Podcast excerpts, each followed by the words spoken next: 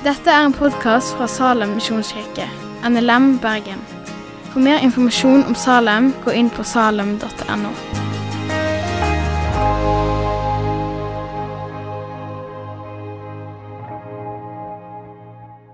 skal vi bare gjøre det sånn at Jeg skal lese noen tekster i begynnelsen eh, som er utrolig viktige når vi snakker om mann og kvinne i Bibelen. I dag så handler det om hva Bibelen sier om kvinner. Vi får ikke tid til å gå gjennom alt. bare sånn at Det er sagt. Eh, det er veldig mye. Eh, så jeg tror vi bare blir enige om at eh, hvis dere som tar tida på talen og sånt Vi starter den etter at jeg har lest bibeltekstene. Er det en avtale? For jeg, har mye på hjertet, og det er mye bibeltekst òg. Men hvis vi leser tekstene, så får vi veldig mye bra grunnlag. og så begynner vi å tale. Så bare, bare Ja, vi er enige. Men eh, det blir noen sånn når, når, vi skal ha kvinner i Bibelen og Kanskje så du det på Instagram i dag, og så blinka det noen røde sånn varselramper. Der du bare tenkte Kjønnsroller, Christian. Seriøst, jeg trodde det var en mye mer moderne pastor enn dette. Og Kanskje så tenker du det fordi du sjøl er offer for at noen har pressa deg inn i en rolle som du overhodet ikke er skapt for å være i. Kanskje har du vært offer i et maktspill der det er en som har tråkka ganske grundig over noen grenser. Eller kanskje har du sjøl tråkka over noen grenser. I alle tilfeller er dette et ganske vanskelig tema å snakke om forskjellen på mann og kvinne og, og egentlig det som skjer mellom der, og hva Bibelen sier om de to forskjellige. Og Jeg vil ikke tråkke noen på beina, men jeg vil enda mindre si noe som ikke står i denne boka. her. Eh, og det kan ofte erfares som om vi blir tråkka på beina når vi sier noe fra Bibelen. Men hvis dere blir med, så håper jeg å gi et lys som viser at kanskje fins det noe godt her. Men det er forvirrende dette med kjønnsroller, fordi deler av samfunnet sier at det fins ingen forskjeller. De jobber overtid for å viske ut alle forskjeller mellom mann og kvinne. Og så er det noen som står på andre sida som prøver å presse oss inn i gamle stereotypier. Og det vil overlappe i stor grad. Kvinne i kveld, mann neste lørdag. Men egentlig så handler det like mye om begge deler. Um, men vi skal lese tekstene, og så skal vi hoppe inn i de første kapitlene i Bibelen når vi leser. De kommer opp på storskjerm òg, men hvis du vil, så kan du følge med i første Mosebok kapittel 1, 2 og 3. Så leser jeg noen hoppe litt. litt grann. Første Mosebok 1, 26 og utover. Gud sa, la oss lage mennesker i vårt bilde, så de ligner oss. De skal råde over fiskene i havet og fuglene under himmelen, over fe og alle ville dyr og alt krypet som det kryr av på jorden. Og Gud skapte mennesket i sitt bilde. I Guds bilde skapte han det. Som mann og kvinne skapte han den. Gud velsignet dem og sa til dem, vær fruktbare og bli mange. Fyll jorden og legg den under dere. Dere skal råde over fiskene i havet, over fuglene under himmelen og over alle dyr som det kryr av på jorden. Gud så på alt det han hadde gjort, og se, det var svært godt. Første Mosebok 2, vers 7 og utover. Da formet Herren mennesket. Parentes. Når det står 'menneske' her, så står det 'Adam' i grunnteksten. Gud formet menneske slash Adam av støv fra jorden. Han blåste livspust i nesen på det, og mennesket Adam, som er Adam betyr menneske, ble en levende skapning. Herren Gud plantet i gammeltid en e- hage i Eden. Der satte han mennesket, Adam, han hadde formet, og Herren lot alle slags trær vokse opp av jorden. Forlokkende å se på og gode å spise av. Og midt i hagen livets tre og treet til kunnskap om godt og ondt. Så hopper vi ned til vers 15. Så tok Herren Gud mennesket, Adam, og satte det i Edens hage til å dyrke og passe den. Og Herren Gud ga mennesket Adam, dette budet. Du må gjerne spise av alle trærne i hagen, men av treet til kunnskap om godt og ondt må du ikke spise, for den dagen du spiser av det, skal du dø. Da sa Herren Gud, det er ikke godt for mennesket å være alene. Det er ikke godt for Adam å være alene. Jeg vil lage en hjelper av samme slag. Herren Gud formet alle dyr på marken og alle fugler under himmelen av jord. Han førte dem til mennesket for å se hva han ville kalle dem. Det, det som mennesket kalte hver levende skapning, det fikk den til navn. Mennesket ga navn til alt fe, til himmelens fugler og til alle villmarkens dyr. Men til seg selv fant mennesket ingen hjelper av samme slag. Da lot Herren en dyp søvn komme over mannen. Mens han sov, tok han et ribbein og fylte igjen med kjøtt. Av ribbeinet Herren Gud hadde tatt fra mannen, bygde han en kvinne, og han førte henne til mannen. Da sa mannen, nå er det bein av mine bein og kjøtt av mitt kjøtt. Hun skal kalles kvinne, eller i en gammel oversettelse manninne. På hebraisk ish, fordi hun er, for av mannen er hun tatt. Beklager. Ish er mann, isha er kvinne. Så det er et ordspill der. Derfor skal mannen forlate sin far og sin mor og holde fast ved sin kvinne, og de to skal være én kropp. Begge var nakne, både mannen og kvinnen, og de skammet seg ikke for hverandre. Så er vi i 1. Mosebok 3, 1-13. Slangen var listigere enn alle ville dyr som Herren hadde laget. Den sa til kvinnen, 'Har Gud virkelig sagt at dere ikke kan spise av noe tre i hagen?' Kvinnen sa til slangen, 'Vi kan spise av frukten på trærne i hagen.' Men om frukten på treet som står midt i hagen, har Gud sagt, 'Dere må ikke spise av det og ikke røre ved dem, for da skal dere dø.' Da sa slangen til kvinnen, 'Dere skal slett ikke dø.' Men Gud vet at den dagen dere spiser av den, vil øynene deres bli åpnet, og dere vil bli som Gud og kjenne godt og ondt. Nå fikk kvinnen se at treet var godt å spise av, og en lyst for øyet. Et forlokkende tre, siden det kunne gi innsikt. Så hun tok av frukten og spiste. Hun ga også til mannen sin, som var sammen med henne, og han spiste. Da ble øynene deres åpnet, og de skjønte at de var nakne. De flettet sammen fikenblader og bandt dem rundt livet. Da hørte de lyden av Herren Gud som vandret omkring i hagen den svale kveldsprisen. Og mannen og kvinnen gjemte seg for Herren Gud blant trærne i hagen. Men Herren Gud ropte på mannen og sa, 'Hvor er du?' Han svarte, 'Jeg hørte lyden av deg i hagen og ble redd fordi jeg er naken.' Og jeg gjemte meg. Det er sånn, 'Hvem har fortalt deg at du er naken?' 'Har du spist av det treet jeg forbød deg å spise av?' Mannen svarte, 'Kvinnen som du ga meg være sammen med, hun ga meg et tre, og jeg spiste.' Herren Gud spurte kvinnen, 'Hva er det du har gjort?' Kvinnen svarte, 'Slanget narret meg, og jeg spiste.' Så kommer Guds forbannelse over slangen, og så hopper vi ned til vers 16, der Gud faktisk forbanner kvinnen og mannen fordi de har synda mot Gud. Til kvinnen sa han, altså Gud, 'Tungt vil jeg gjøre ditt strev når du er med barn. Med smerte skal du føde. Du skal begjære din mann, og han skal herske over deg.' Og til mannen sa han, 'Fordi du hørte på kvinnen og spiste av treet som jeg forbød deg å spise av, er jorden forbannet for din skyld. Med strev skal du nære deg av den alle dine levedager.' Den skal la torn og tistel spre fram for deg, spire framfor deg, og du skal spise det som vokser på marken. Med svette i ansiktet ditt skal du spise ditt brød inntil du vender tilbake til jorden. For av den er du tatt, støv er du, og til støv skal du vende tilbake. Mannen kalte kvinnen Eva, for hun ble mor til alle som lever. Da kan dere få lov til å starte klokkene, dere som tar tida. Disse tekstene er Bibelens grunnlag for alt den sier om kjønn. Du er ikke bare et menneske. Du er en mann eller en kvinne, jente eller gutt. Og Gud ville det på den måten. Det å være mann eller kvinne det er en del av det å være i Guds bilde.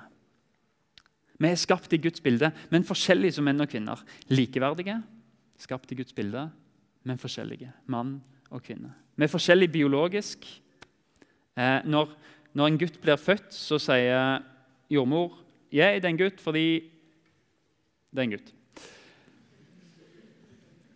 Og vi har forskjellig evne til å ta vare på barn rent fysisk. Vi er forskjellige. Det er ikke til å legge under en stol.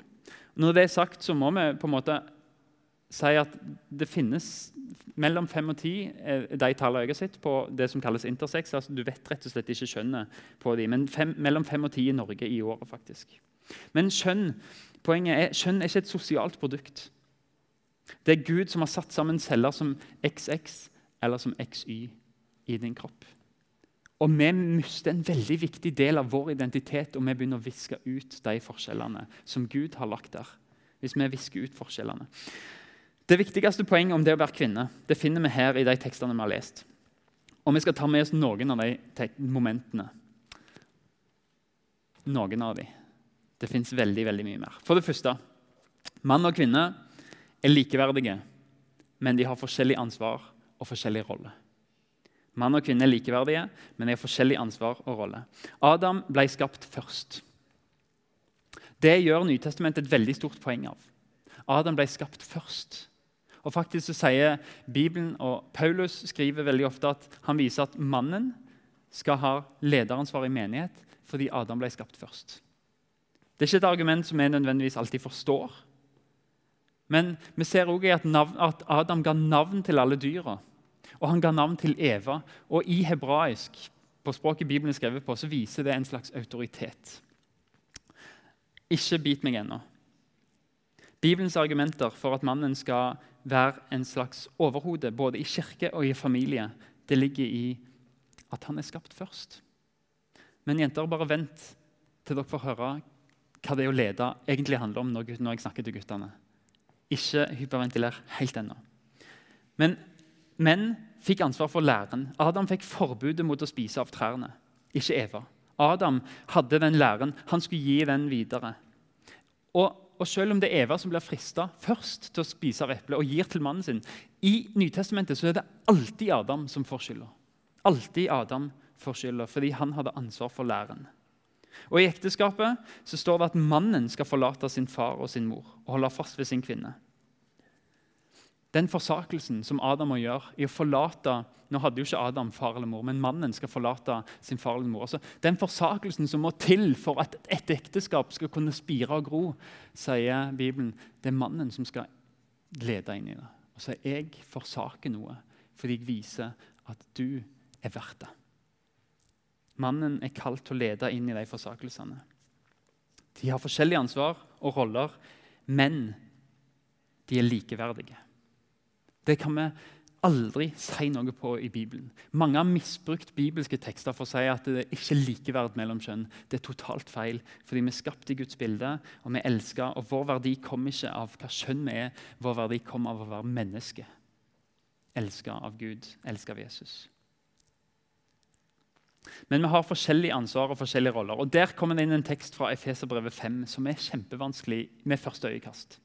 I Efeserbrevet 5 så står det dette handler om ekteskapet. Dette handler ikke om samfunnet. Dette handler ikke om, om venner. Dette handler om ekteskapet. Vær hverandre underordnet i ærefrykt for Kristus. Dere kvinner, underordne dere ektemennene deres som under Herren selv. For mannen er kvinnens hode, slik Kristus er kirkens hode. Han er frelser for sin kropp. Som kirken underordner seg Kristus, skal kvinnene underordne seg sine menn i alt. Ta et dypt pust, for Paulus er ikke ferdig. Dere menn, elsk konene deres slik Kristus elsket kirken og ga seg selv for den, for å gjøre den hellig og rense den med bad i vann i kraft av et ord. Slik vil han selv føre kirken framfor seg i herlighet, uten en minste flekk eller rynke, hellig og uten feil skulle den være. Vi leser underordnet, så tenker vi Stopp nå. Hva betyr det? Underordna betyr ikke 'gjør som du blir fortalt'. Det ordet betyr ikke 'gjør det som du blir fortalt'. Det handler om en respekt. Det handler rett og slett om en vikeplikt. Der du sier 'nei, jeg setter en annens beste foran mitt eget'. Det handler om å gi sine følelser, sine begjær og ønsker og sin tillit til hverandre. Og så skriver Paulus 'vær hverandre underordnet'. Begge kalles til dette i ekteskapet. Det betyr ikke 'gjør som det blir fortalt'. Men i hele Nytestamentet så står det barn skal underordne seg foreldre. Disipler skal underordne seg kirken sine eldste. Borgere underordner seg styresmaktene. Engler underordner seg Gud. Det har med skaperordning å gjøre. Måten Gud skapte verden på og har satt sammen verden. Som vi sier OK, vi har tillit til det. Og Paulus, egentlig Vi leser det med våre øyne, men Paulus er superradikal.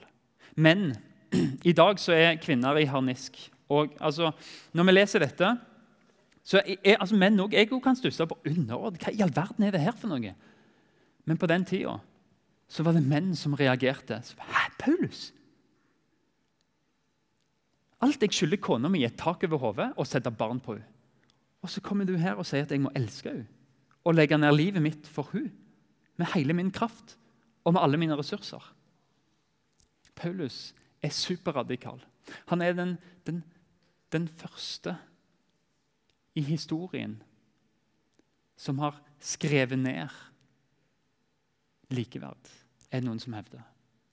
Jeg vet ikke om det stemmer, for jeg har ikke lest hele historien. Men begge skal underordne seg. Og Det står videre at kvinner du skal underordne mannen. Det er den måten du skal gjøre det på. Å vike og si OK, Jeg setter ditt foran mitt eget. Du får ansvaret for å lede meg. Mennene skal underordne seg ved å elske og legge ned sitt liv for kvinnen. Det er to forskjellige måter. De er likeverdige, men det er forskjellige roller og ansvar. En gjensidig underordning som skal gjøres på forskjellige måter. Jenter. Det å underordne seg en mann, det er ikke noe du kan tvinges til. Det er en gave som du kan gi til den du elsker.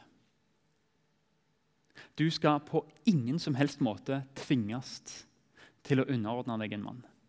Overhodet ikke. Det skal skje frivillig. Og den mannen, den gutten som får deg til å tenke han her vil lede meg inn til å bli mer lik Jesus. Han vil jeg underordne meg. Fordi da ser jeg at han kommer til å jobbe for at jeg kommer til å vokse i relasjon til Jesus. Den som får deg til å tenke det, han er en av mange rette for deg. For jeg tror oppriktig at mange gutter kan gjøre det for deg. Du skal ikke tvinges. Det er en gave du gir. Ikke til hvem som helst av hans kjønn, men til han som blir din ektemann, som du ser det er godt å være under lederskapet til denne mannen. Fordi han er gudfryktig.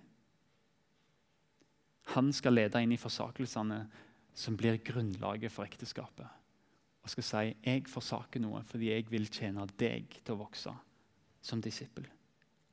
Det betyr at dere menn kommer til å få en grundig lekse neste lørdag på nettopp dette. Dere slipper ikke unna. Men jenter, du skal aldri tvinges til å underordne deg.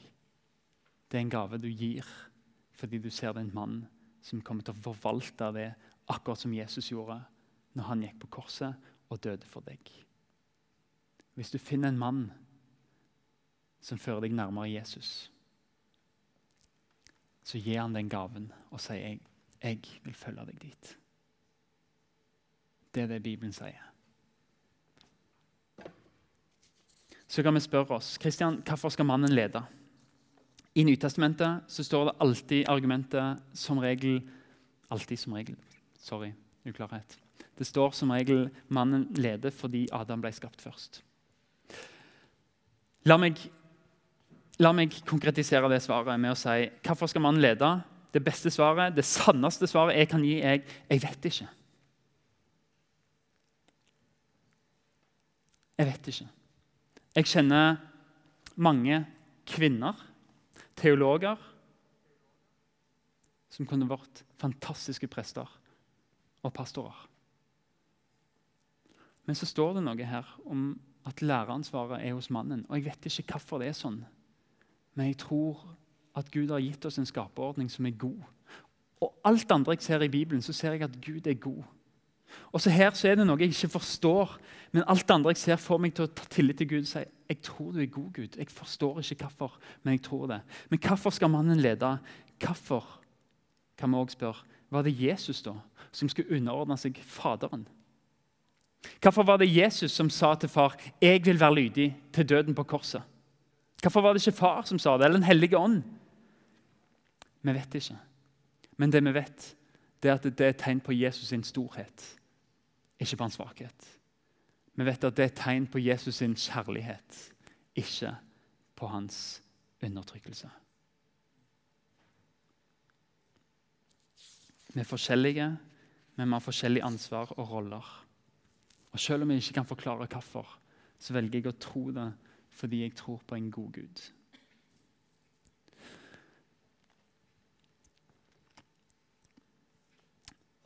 Det neste punktet er at vi er forskjellige, men vi er komplementære. Er det et ord? Komplementære? Gjermund? Thomas? Er det noe? Ja, det er et ord. Står i hvert fall her. Fikk ingen sånn rød strek under. Vi er forskjellige, men komplementære. Gud sier det er ikke godt for mannen å være alene. Gud så at han trengte en hjelper av samme slag. Hjelper. Seriøst, Kristian? Tror du på denne gamle boka når det står at kvinnen er en hjelper til mannen. Ja, det gjør jeg. Men jeg er stolt av å tro på det. fordi hvis du går bak Bibelen, så får du se et budskap som er helt rått. Fordi hjelper Forresten, hvem er det som steiler når de hører det at kvinner er hjelper? Det er bare meg? Seriøst? Ja, det er noen andre, sant? Kona mi. Men ordet 'hjelper', som står der i Det gamle testamentet, så er det så å si altså det, det, er nesten alltid brukt for å beskrive Gud sjøl.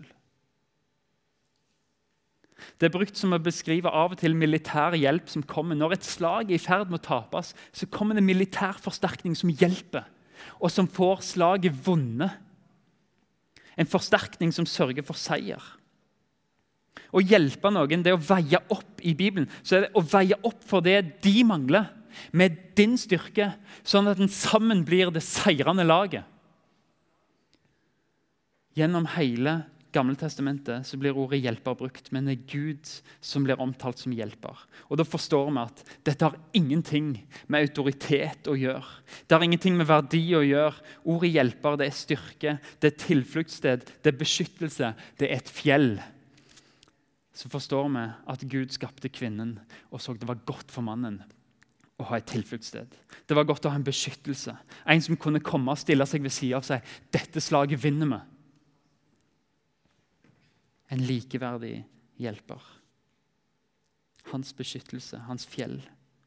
Sånn er kvinnen skapt i Guds bilde. Et bilde som når ei kone stiller seg ved siden av mannen og sier 'Dette kommer vi oss igjennom'. Jeg følger deg, og sammen så gjør vi det. Det er et bilde som viser oss en Gud som sier 'Jeg er din tilflukt'. 'Jeg er ditt grunnfjell'. 'Jeg er din redning'. 'Jeg er din sterke hjelper'. Og det er det ordet som blir brukt om Eva, som, hennes, som er Adams sin sterke hjelper, som får det slaget vunnet. Av samme slag, skriver, Paul, skriver Bibelen. Du er hjelper av samme slag. En hjelper som gjør at Adam, mannen, er ufullstendig uten. Som et puslespill. Vi er forskjellige, men vi utfyller hverandre. Det er ikke meninga å undertrykke seg at kvinnen er hjelper. Det er ikke meninga å si at uh, hun er mindre verdt enn mannen når Gud sier at hun er en hjelper. Gud sier, 'Mann, dette fikser du ikke uten, uten kvinner'. Det var ikke godt for mannen å være alene. Hjelper. Vær stolt, jenter, når Gud kaller dere en sterk hjelper. Fordi eksempelet er han sjøl som kommer oss til hjelp. La det få være deres forbilde for kjærester. Hvordan dere er med dem. Tenk, hvordan er Gud vår tilflukt? Kan jeg være mannen min sin tilflukt?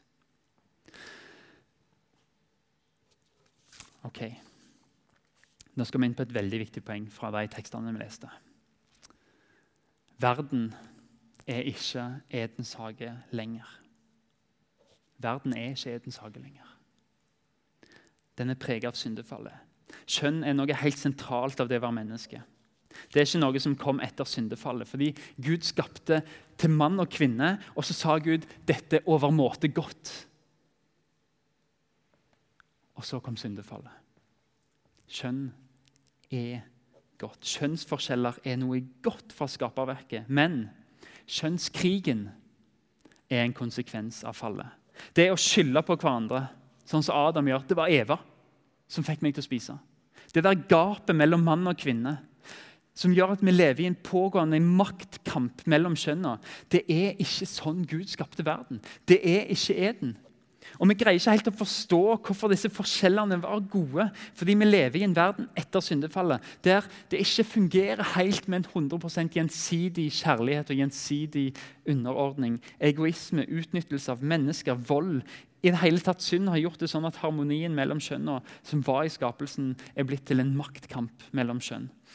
Og Etter syndefallet så har omtrent nesten altså hver eneste kultur i verdenshistorien har funnet en måte å tolke mannlig lederskap på som å marginalisere, marginalisere og undertrykke kvinner. Det er ikke Guds vilje. Det viser oss at av naturen så har ikke vi ressursene som skal til for å faktisk leve ut Guds gode vilje mellom mann og kvinne. Derfor blir det undertrykking, fordi vi er preget av synd.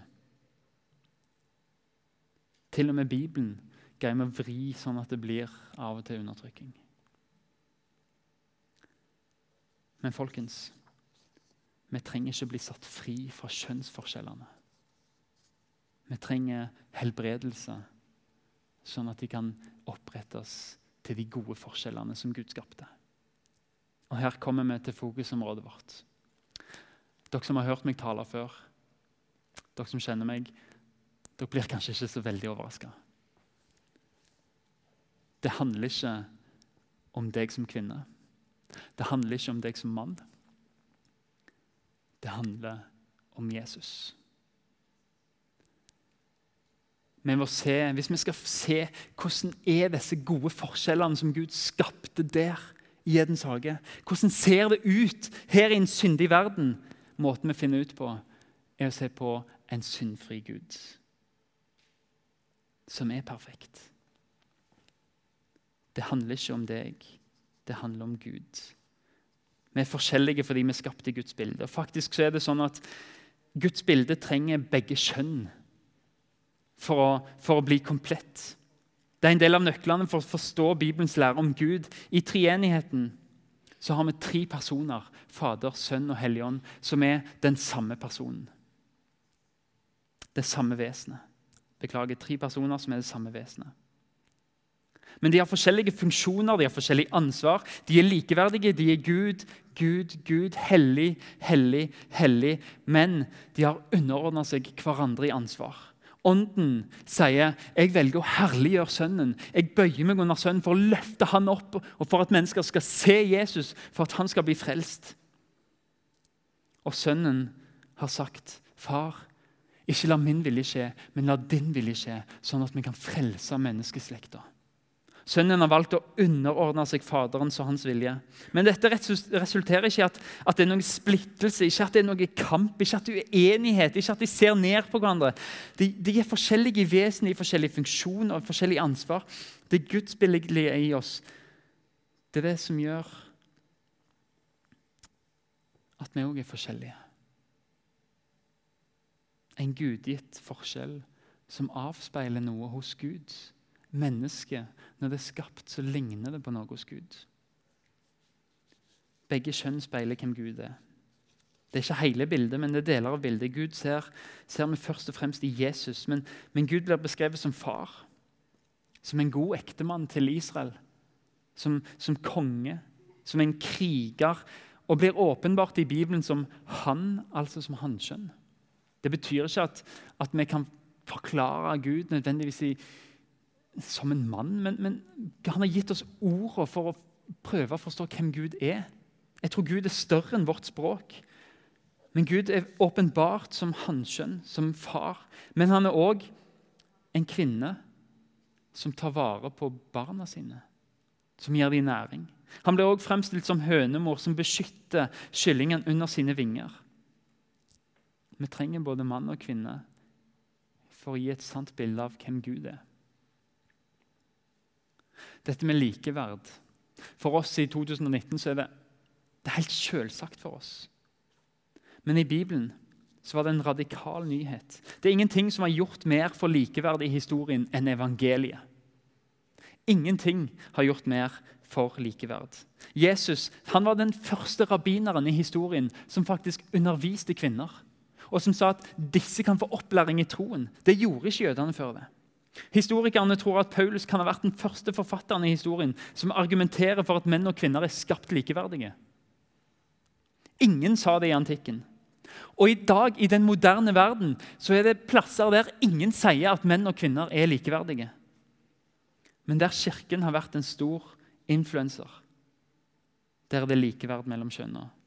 Fordi Kirka har sett hvordan Jesus levde det ut, og sett at her er mennesker likeverdige, men allikevel forskjellige. Jesus er oppfyllelsen av skjønna som Gud tenkte det fra starten av. Jesus viser oss hva som var Guds plan. Jesus er overhodet. Han er Gud. Han er lederen som blir en tjener. Han er hjelperen som kommer til oss, underordner seg og som gir sitt liv for at vi skal leve. Gud er lederen, og Gud er den som underordner seg. I Filipperbrevet 2, 5-11 så leser vi La det samme sinnelag være i dere som også var i Jesus Kristus. Han var i Guds skikkelse og så det ikke som et rov å være Gud lik, men ga avkall på sitt eget, tok på seg en tjenerskikkelse og ble mennesker lik. Da han sto fram som menneske, fornedret han seg selv og ble lydig til døden, ja, døden på korset. Derfor har Gud opphøyd han til det høyeste og gitt ham navnet over alle navn. I Jesu navn skal derfor hvert kne bøye seg, i himmelen og på jorden, og hver tunge skal bekjenne at Jesus Kristus er Herre, til Gud Faders ære. Det står her Jesus var Gud, han var leder, overhodet, som tjente oss med å komme ned. Han var den som hjalp, og som underordna seg Guds vilje, som underordna seg oss, som satt vårt liv foran sitt eget og døde på korset for oss. Sånn viser Jesus hvordan vi skal være menn, og hvordan vi skal være kvinner. Sønnens underordning i frivillig kjærlighet. Det er en gave som han gir til Faderen totalt frivillig og sier ditt mål, frelse for menneskene, det vil jeg. Underordning i ekteskapet det er en gave du gir, sånn som Jesus ga sin lydighet til, til Gud. Og resultatet, det var bare godhet. Ser du hva Gud gjør med Jesus? I Filipper 2, 5-11. Jesus fornedrer seg sjøl og ble ledig til døden. Gud opphøyde han og ga navnet over alle navn. Det er mønsteret til ekteskapet. En kvinne som sier 'Jeg vil følge deg', og en mann som løfter opp og hjelper henne til å bli mer lik Jesus. Det er en sirkel av godhet. Det handler ikke om autoritet. Det handler om å sette hverandre foran seg sjøl. Likeverd av kjønnsroller det er ikke det samme. Vi er likeverdige makkere som gir en gave til hverandre. Vi angriper ikke hverandres verdighet med å være forskjellige. Vi angripes ikke hverandres Guds billedlighet, men vi er et, sammen et vitnesbyrd om hvordan Gud er. En vilje til å elske på bekostning av seg sjøl. Vi har forskjellige kjønn for å vitne om disse egenskapene hos Gud. Forskjellig kjærlighet som gir og gir på forskjellige måter. Sånn er ekteskapet som Paulus skriver. Det er mysteriet som vitner om Guds kjærlighet. Sånn mann og kvinne er et ekteskapet, sånn er også Kristus med kirka. Hva det har å si for oss menn, skal jeg komme tilbake til neste uke. Men vi kan si at det, det innebærer faktisk en veldig stor grad av forsakelse å skulle lede i familie og kirke. Men vi skal begge spille Jesusrollen. Underordna og tjenende lederskap.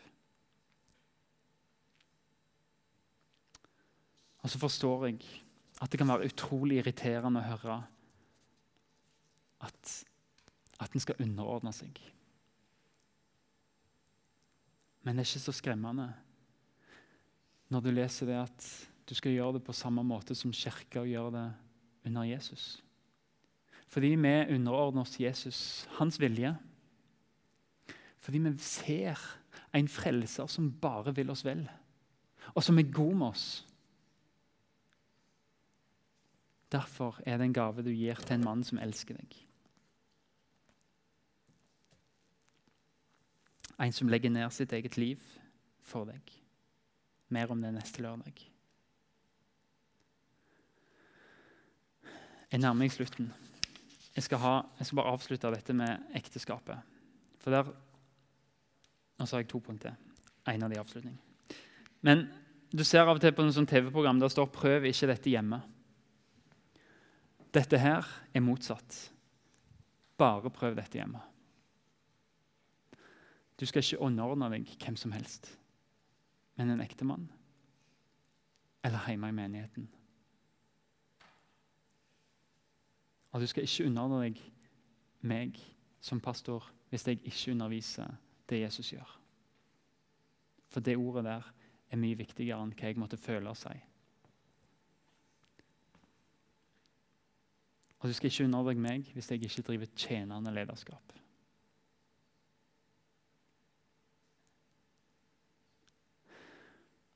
Prøv bare dette hjemme. Det er der du er trygg.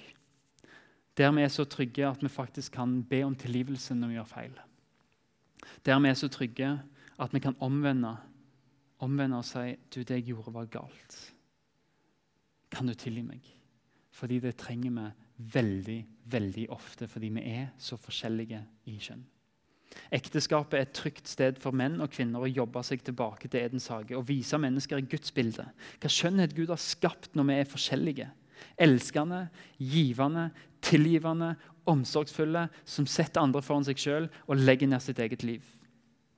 Vi skal vise Jesus i Getsemane. Far, ikke din vilje, men min. Nei, ikke, ikke min vilje, men din.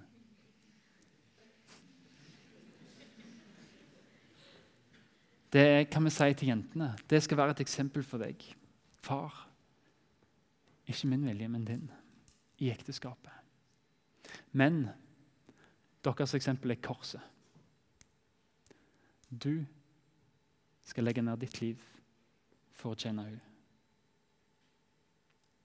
Vi er lik Jesus i ekteskapet, begge to.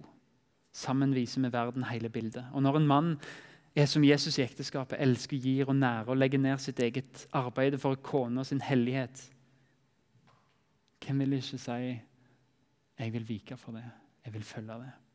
Og Når en kvinne er som Jesus i ekteskapet, underordner seg i glede, i respekt for å ære mannen, hvem vil ikke legge ned sitt liv for henne og si 'jeg vil gjøre deg mer lik Jesus'?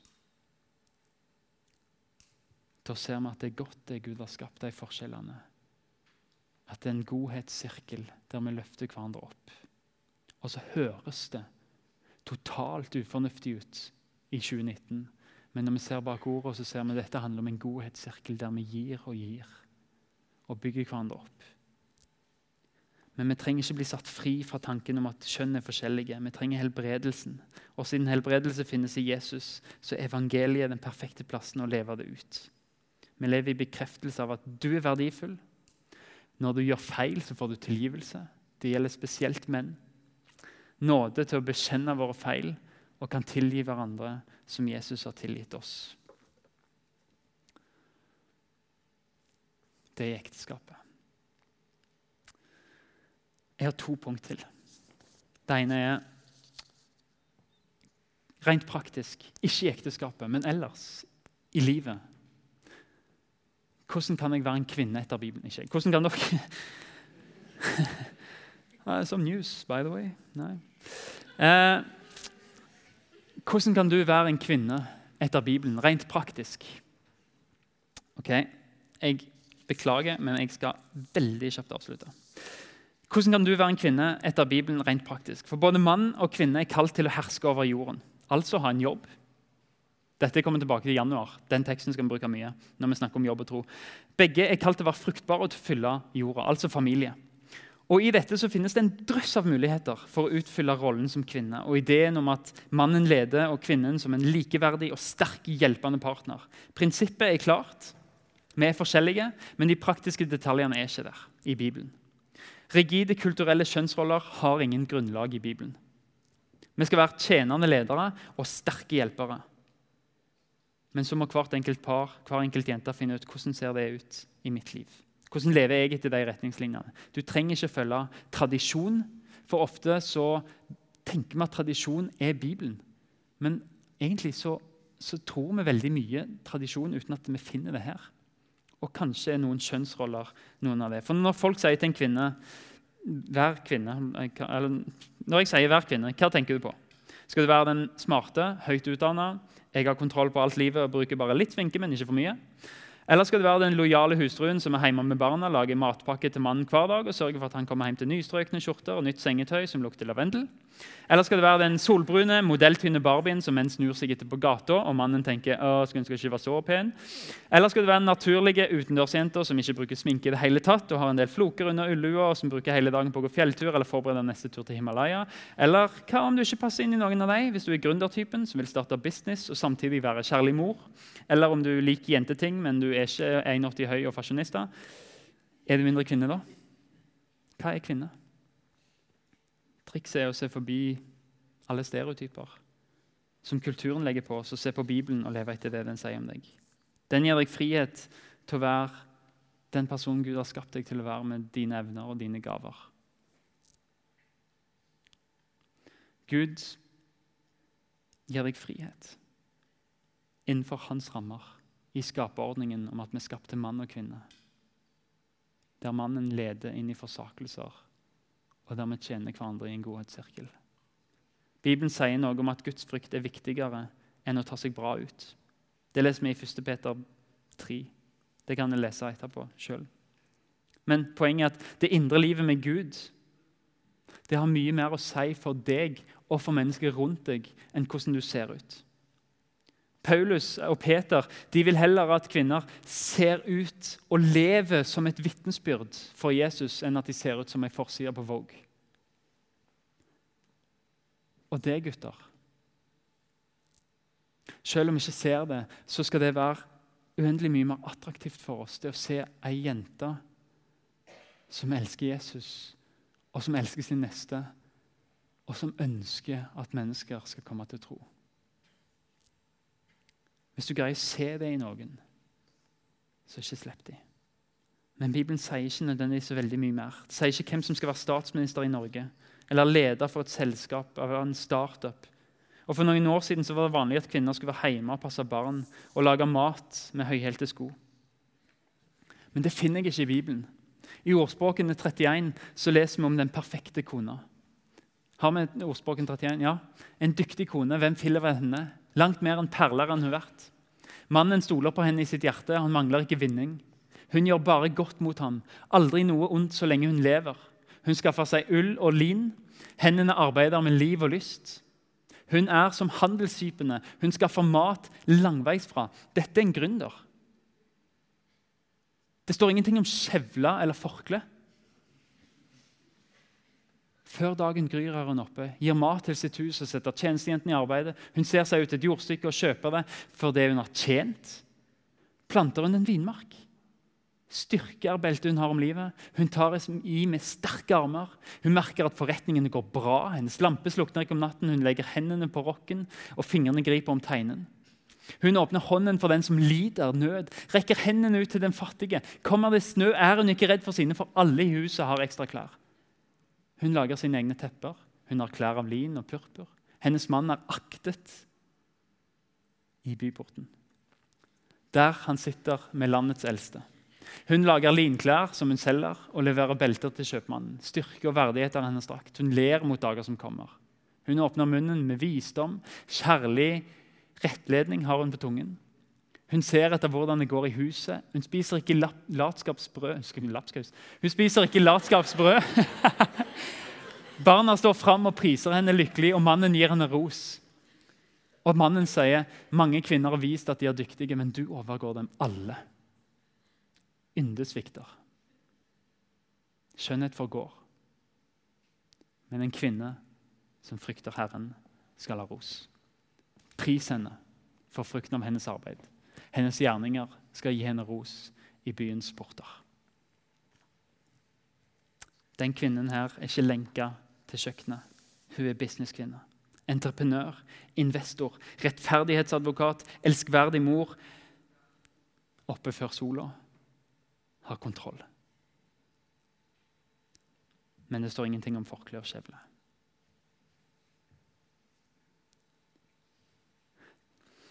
Vi kunne sagt utrolig mye mer om det var kvinne.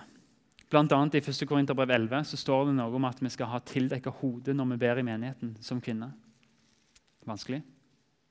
I kapittel 14 i 1. Korinterbrev så står det noe om at en kvinne skal tie i menigheten. Vi har ikke tid til å ta dem nå. Puh. Men etterpå, når møtet er ferdig, kvarter 20 minutter etterpå, så kommer jeg til å være oppe i undervisningsrommet, lese de tekstene, gå gjennom noen momenter fra dem, og samtaler, spørsmål og dialog. Fordi jeg har ikke hele bildet her. Men den som har lyst til å være med å lese gjennom spesielt de to tekstene, og kan stille spørsmål, og kanskje vi kan hjelpe hverandre litt, og kanskje noen som har en veldig sterke meninger om det jeg har sagt i dag Jeg har ikke hele bildet. Men da tar vi det etterpå for de som ønsker. Så skal jeg avslutte. Dette ble langt. Kanskje skulle jeg ønske at jeg tar feil om noe av det jeg har delt i kveld. Min mening er ikke den hippe, den framoverlånte, progressive. Kanskje er jeg et utskudd i Norge i 2019. Kanskje jeg er utskudd i Kristen-Norge i 2019. Men for meg så handler dette som om alt annet jeg forsyner, det handler om Bibelen, Guds ord. Og jeg ser ikke en annen måte å lese Guds ord på i møte med dette temaet. Når det kommer til kjønn, så er Kirka veldig ofte et speil på kulturen. Kanskje må vi heller tenke at vi skal være et vitnesbyrd om gudgitte forskjeller og vise hvordan det er til velsignelse i ekteskap og i kirker. Kjønnskampen kan ende og heller bli et vakkert samarbeid der vi gir hverandre tjenende lederskap og underordning i en evig god sirkel. Hvis Gud ga oss denne åpenbaringen, så er det for en grunn. Følg deg gjerne fri til å være uenig. Det er mange smarte, rutinerte kristne som er uenige med meg. Mennesker som elsker Jesus. Og det er helt greit. Takk for at du har hørt på podkasten fra Salem, Bergen. I Salem vil vi vinne, bevare, utruste og sende. Til Guds ære. Vi ønsker å se mennesker finne fellesskap, møte Jesus og bli disippelgjort her i Bergen og i resten av verden. Vil du vite mer om oss, gå inn på salem.no.